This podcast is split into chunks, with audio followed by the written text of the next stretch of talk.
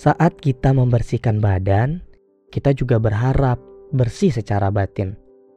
Dengan tetap berharap perlindungan dari Allah. Inilah doa masuk kamar mandi.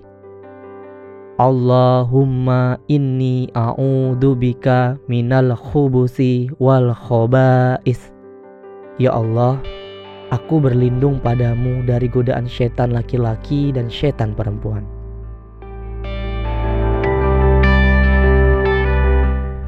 Podcast ini dipersembahkan oleh Partai Solidaritas Indonesia.